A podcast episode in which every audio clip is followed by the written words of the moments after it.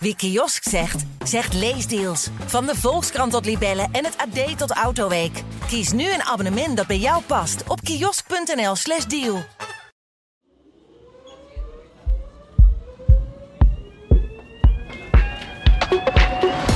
Ruime meerderheid van de Amsterdammers is alleenstaand. Het is ook een aantrekkelijke stad om te wonen. Er is genoeg te doen en met zoveel inwoners hoef je in principe niet alleen op de bank te zitten.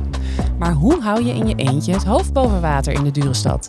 Is Amsterdam nou een walhalla of juist bijna onmogelijk voor de alleenstaande? En wat is een super solo? In Amsterdam Wereldstad, een podcast van het Parool, bespreken we een Amsterdams fenomeen en geven we antwoord op de vraag: hoe zit dat eigenlijk? Mijn naam is Lorianne van Gelder. Welkom. Heel fijn dat je weer luistert naar een nieuwe aflevering van Amsterdam Wereldstad. En in deze aflevering gaan we het hebben over de grote groep alleenstaande Amsterdammers. En dat doen we met paroolverslaggever Rauna Kadari. Hallo. Welkom. Jij schreef daar onlangs een stuk over. En Jan Latte, emeritus hoogleraar sociale demografie en oud CBS demograaf, econoom. Of demograaf. Demograaf, demograaf. ja precies.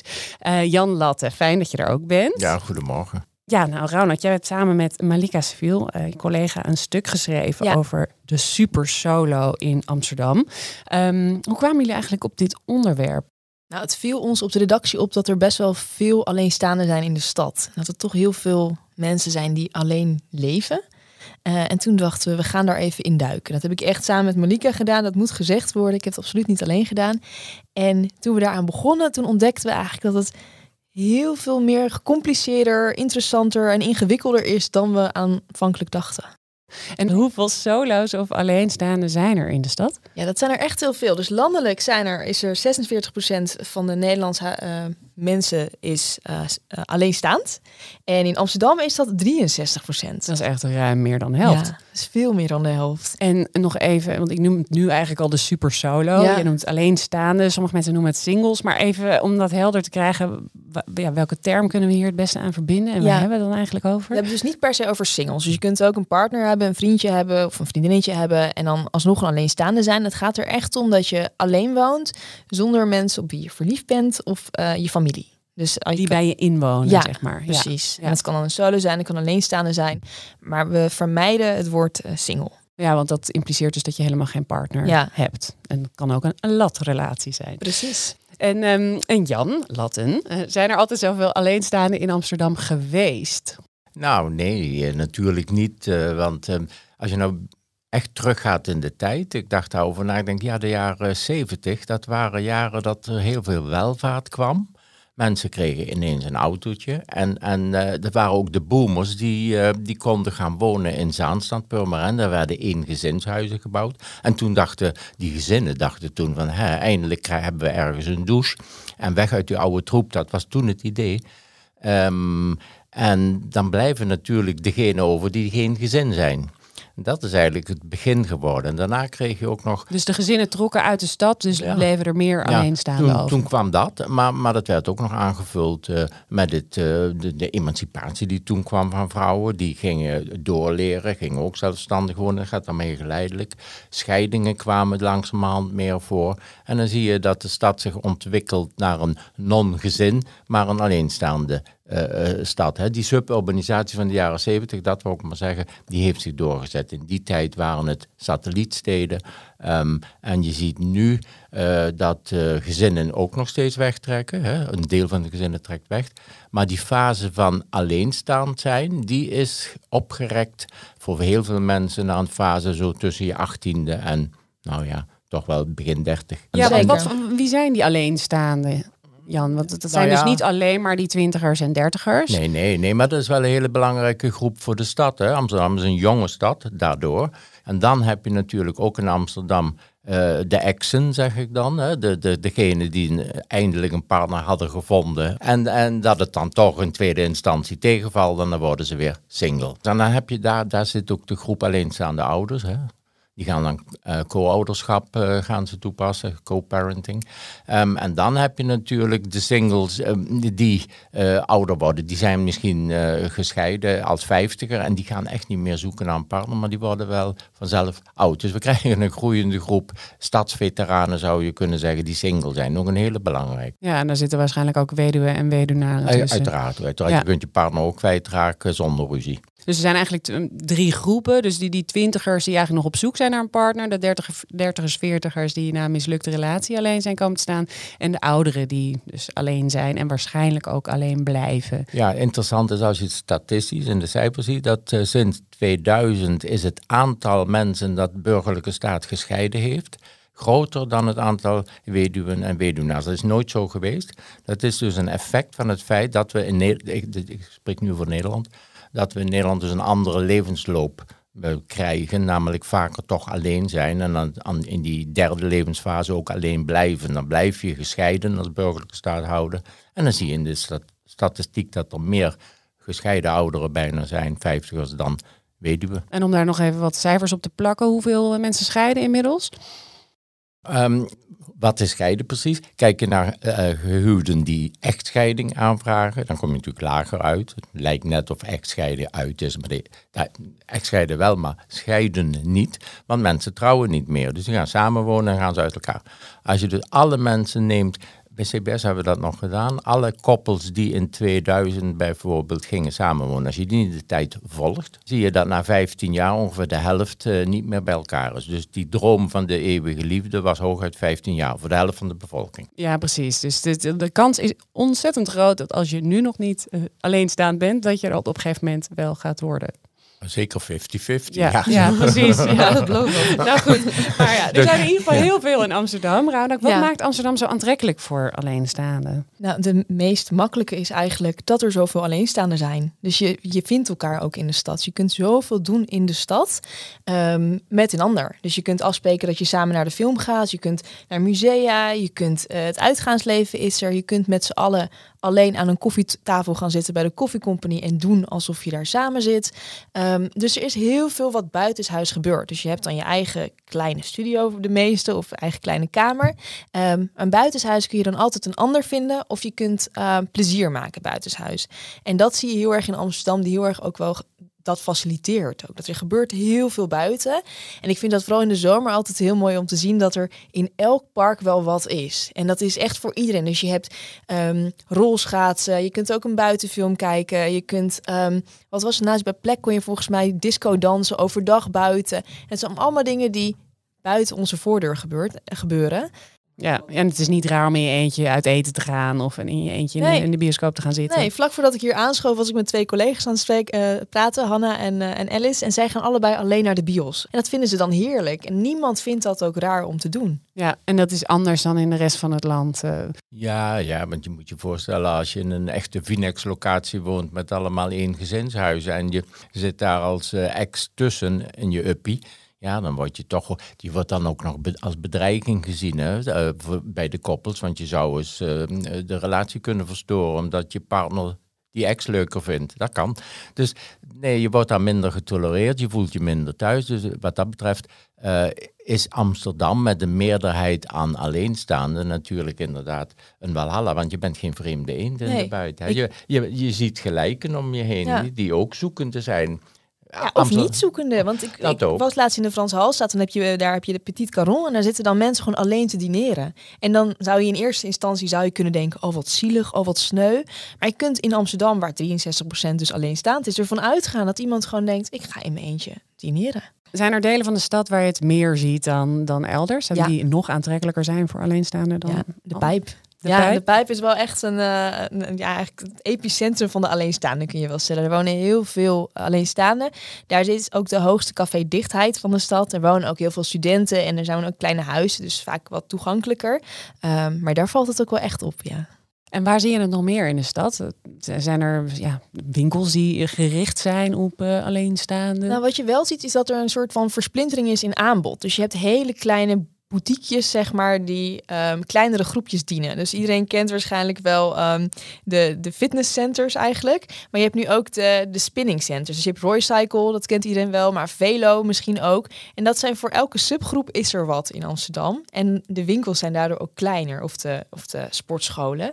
Um, dus je hebt de Vondelgym voor de mensen die willen crossfitten en wat meer community willen. Je hebt twee more voor mensen die vooral willen rammen alleen of voor de mensen die gezien worden bij Black Label. Je hebt de Basic Fit voor de mensen die echt alleen maar uh, willen sporten. Um, je hebt uh, Sint Stars voor de meer luxere dingetjes. Ja, dus je hebt voor elk wat wils. Ja, en dat vind ik echt heel leuk om te zien. Ook als je erop gaat letten, dan zie je echt dat er voor iedereen wat is. Maar ook in andere clubjes. Dus je kunt uh, filmlessen volgen, je kunt leren designen. En dat kan allemaal op locatie in Amsterdam. Ja. En ja, is ook wel interessant weer voor de partnermarkt. Uh, uh, al ben je nog zo afwijkend, je vindt wel iemand die bij je past. Zo zou je het ook kunnen zeggen. Dat is weer het voordeel van Amsterdam, wat je niet hebt aan de randen van het land. Dat is veel meer eenvormigheid. Letterlijk voor elk wat wil, zowel ja, mensen ja. als. Ja, ook voor jouw opinies en hoe sta je in het leven, wat vind je belangrijk. Ja, dat kan. Het is natuurlijk heel divers aan het worden. Um, maar uh, als je op een, een, dorpje woont, heb je die diversiteit niet. Dus zoek daar maar eens een partner die net denkt zoals jij als je niet doorsnee bent. Nou ja, dat vind je in de stad hier wel. Kan het ook zijn dat Amsterdam niet alleen aantrekkelijk is voor alleenstaanden, maar dat je ook langer of, of, of vaker alleenstaand wil blijven in de stad? Is alleenstaand zijn gewoon ook gewoon te aantrekkelijk? Nou, je ziet dat we uh, vooral twintigers en dertigers, dat heb ik ook in een ander stuk geschreven, um, oppervlakkige relaties aangaan. Dat we gewend zijn dat alles heel snel gaat en ook heel snel bevrediging geeft. Dus we swipen op Tinder, op Happen, et cetera. We gaan op date met, met, met, met potentiële partners.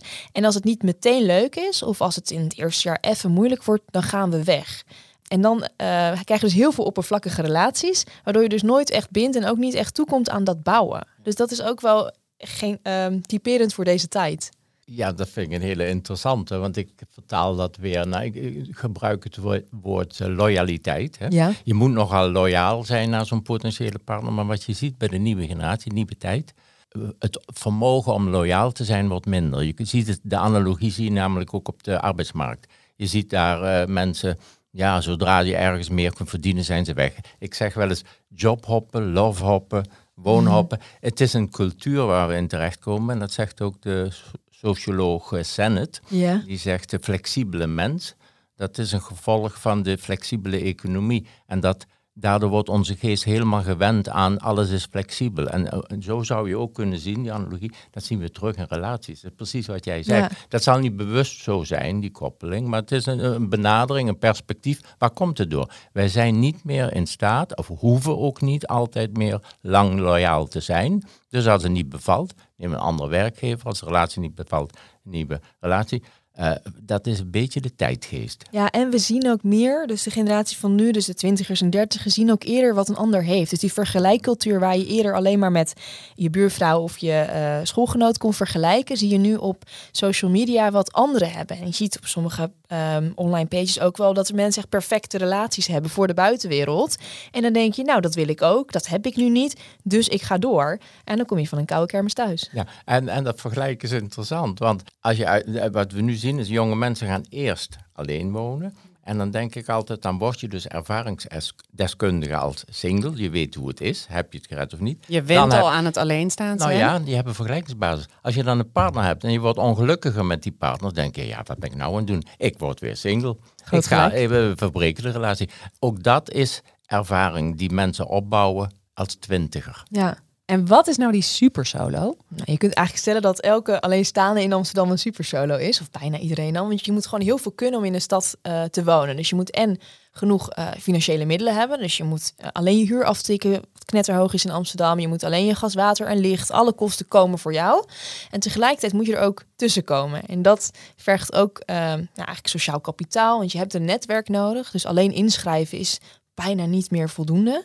Um, en je moet ook alles zelf kunnen natuurlijk. Dus je bent echt wel op jezelf aangewezen in de stad. Dus je hebt en financieel, sociaal um, en je handigheid. En dat maakt je een super solo. Dan heb je de overtreffende trap van de super solo. En dat is uh, de powerkoppel. Dat Als is eigenlijk... die super solos elkaar vinden. Ja, en dan heb je dus echt een powerkoppel. Dan heb je financieel um, verdubbel je natuurlijk. Je kosten nemen af. Dus dat is eigenlijk heel bijzonder, maar dat is wel zo.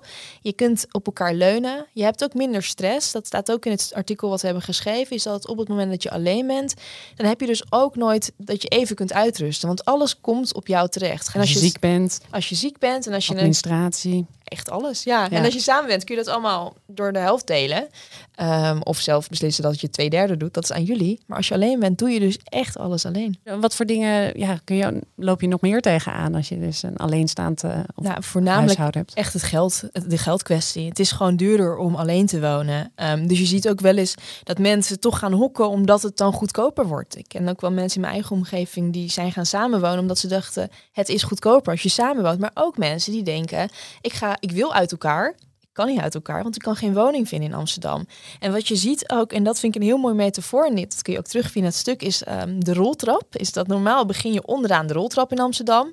En dan huur je een kamertje en dan ga je door naar je studiootje en een appartement en dan door. Maar omdat die stad zo duur is, kun je eigenlijk alleen maar op die roltrap komen als je heel veel geld hebt, of als je rijke ouders hebt, of als je zelf heb gemaakt. En daardoor zie je ook dat er veel minder doorstroom is in de stad. Want je komt niet meer binnen. Dus je komt niet meer als student in Amsterdam wonen. Is gewoon heel moeilijk. Helemaal als je geen universitaire of HBO-studie hebt. Omdat je netwerk dan ook minder goed is. Ehm, en dat maakt het wel voor de stad ook lastiger om jonge mensen te huisvesten. Terwijl je dat wel wil. Want je wil dat zo'n stad van binnenuit zichzelf gaat vernieuwen. Met nieuwe ideeën, um, met, nieuwe, um, met nieuwe mensen. En niet alleen maar de gevestigde orde die hier uh, de dienst uit gaat maken. Ik las zelfs een, een, een interviewtje met een, een, vrouw van 37... die gewoon van de voormalige wethouder wonen te horen had gekregen... Ja. van uh, ga maar op Tinder, want dan vind je wel een woning. Ja, ik had laatst via Twitter gehoord dat een, uh, een juffrouw die zocht een huis. Zij is 29, die zocht een huis kon hij niet meer wonen. Dus moest eigenlijk de stad uit. Wat ook weer ervoor zorgt dat je dan een docent minder hebt in de stad. Maar zij is uiteindelijk op de 29ste weer teruggegaan naar een kamer met huisgenoten.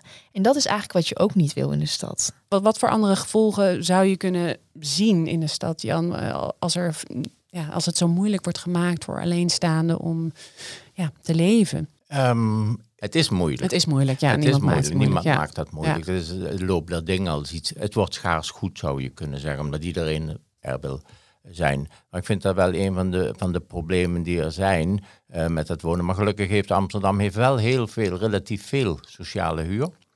En uh, wat je hoort ook van woningcorporaties is natuurlijk wel dat uh, de instroom in sociale huur is van groot deel zijn dat alleenstaande en ook alleenstaande ouders.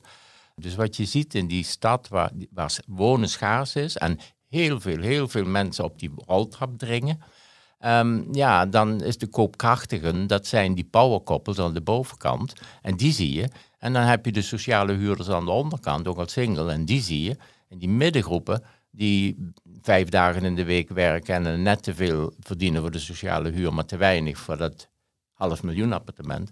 Uh, ja, die zijn de dupe ergens. Maar dat is, ze zijn de dupe van de populariteit van de stad. Ja. Het betekent wel in wonen, de opdracht aan, aan Amsterdam is dan ook wel, maar ook in het hele land zie ik dat gebeuren, dat je anders moet bouwen, anders wonen. En dat zie je kleiner sowieso, maar ook meer deelcultuur. En dat is weer het grappige, dat is weer het positieve in die trend. Deelcultuur denk, zien wij als iets ideaals. Dan heb je niet zoveel spullen nodig, kun je ontspullen. Maar het heeft ook een noodzakelijkheid. Namelijk als jij alleen door leven wilt en je kunt die hoge huur niet betalen, kun je misschien wel een kleinere ruimte met gedeelde publieke ruimte, kun je misschien wel betalen. En dat zijn die bouwwijzen die aan het ontstaan zijn. Dat je een gemeenschappelijke tuin hebt, dat je huisgenoten hebt. Precies, en, uh, en dat geeft gelijk sociale verbinding. Daarbij heb je vrienden in plaats van een partner. En dat is ook nog economisch interessant. Dus ik denk dat het die kant op gaat op de langere termijn. En ook misschien zou moeten als het aantal uh, alleenstaanden nou, zo hoog Het zal moeten, maar dat is iets wat wij met z'n allen blijkbaar ook willen. Want we zijn vaker in het leven alleen maar we hebben wel behoefte aan contact.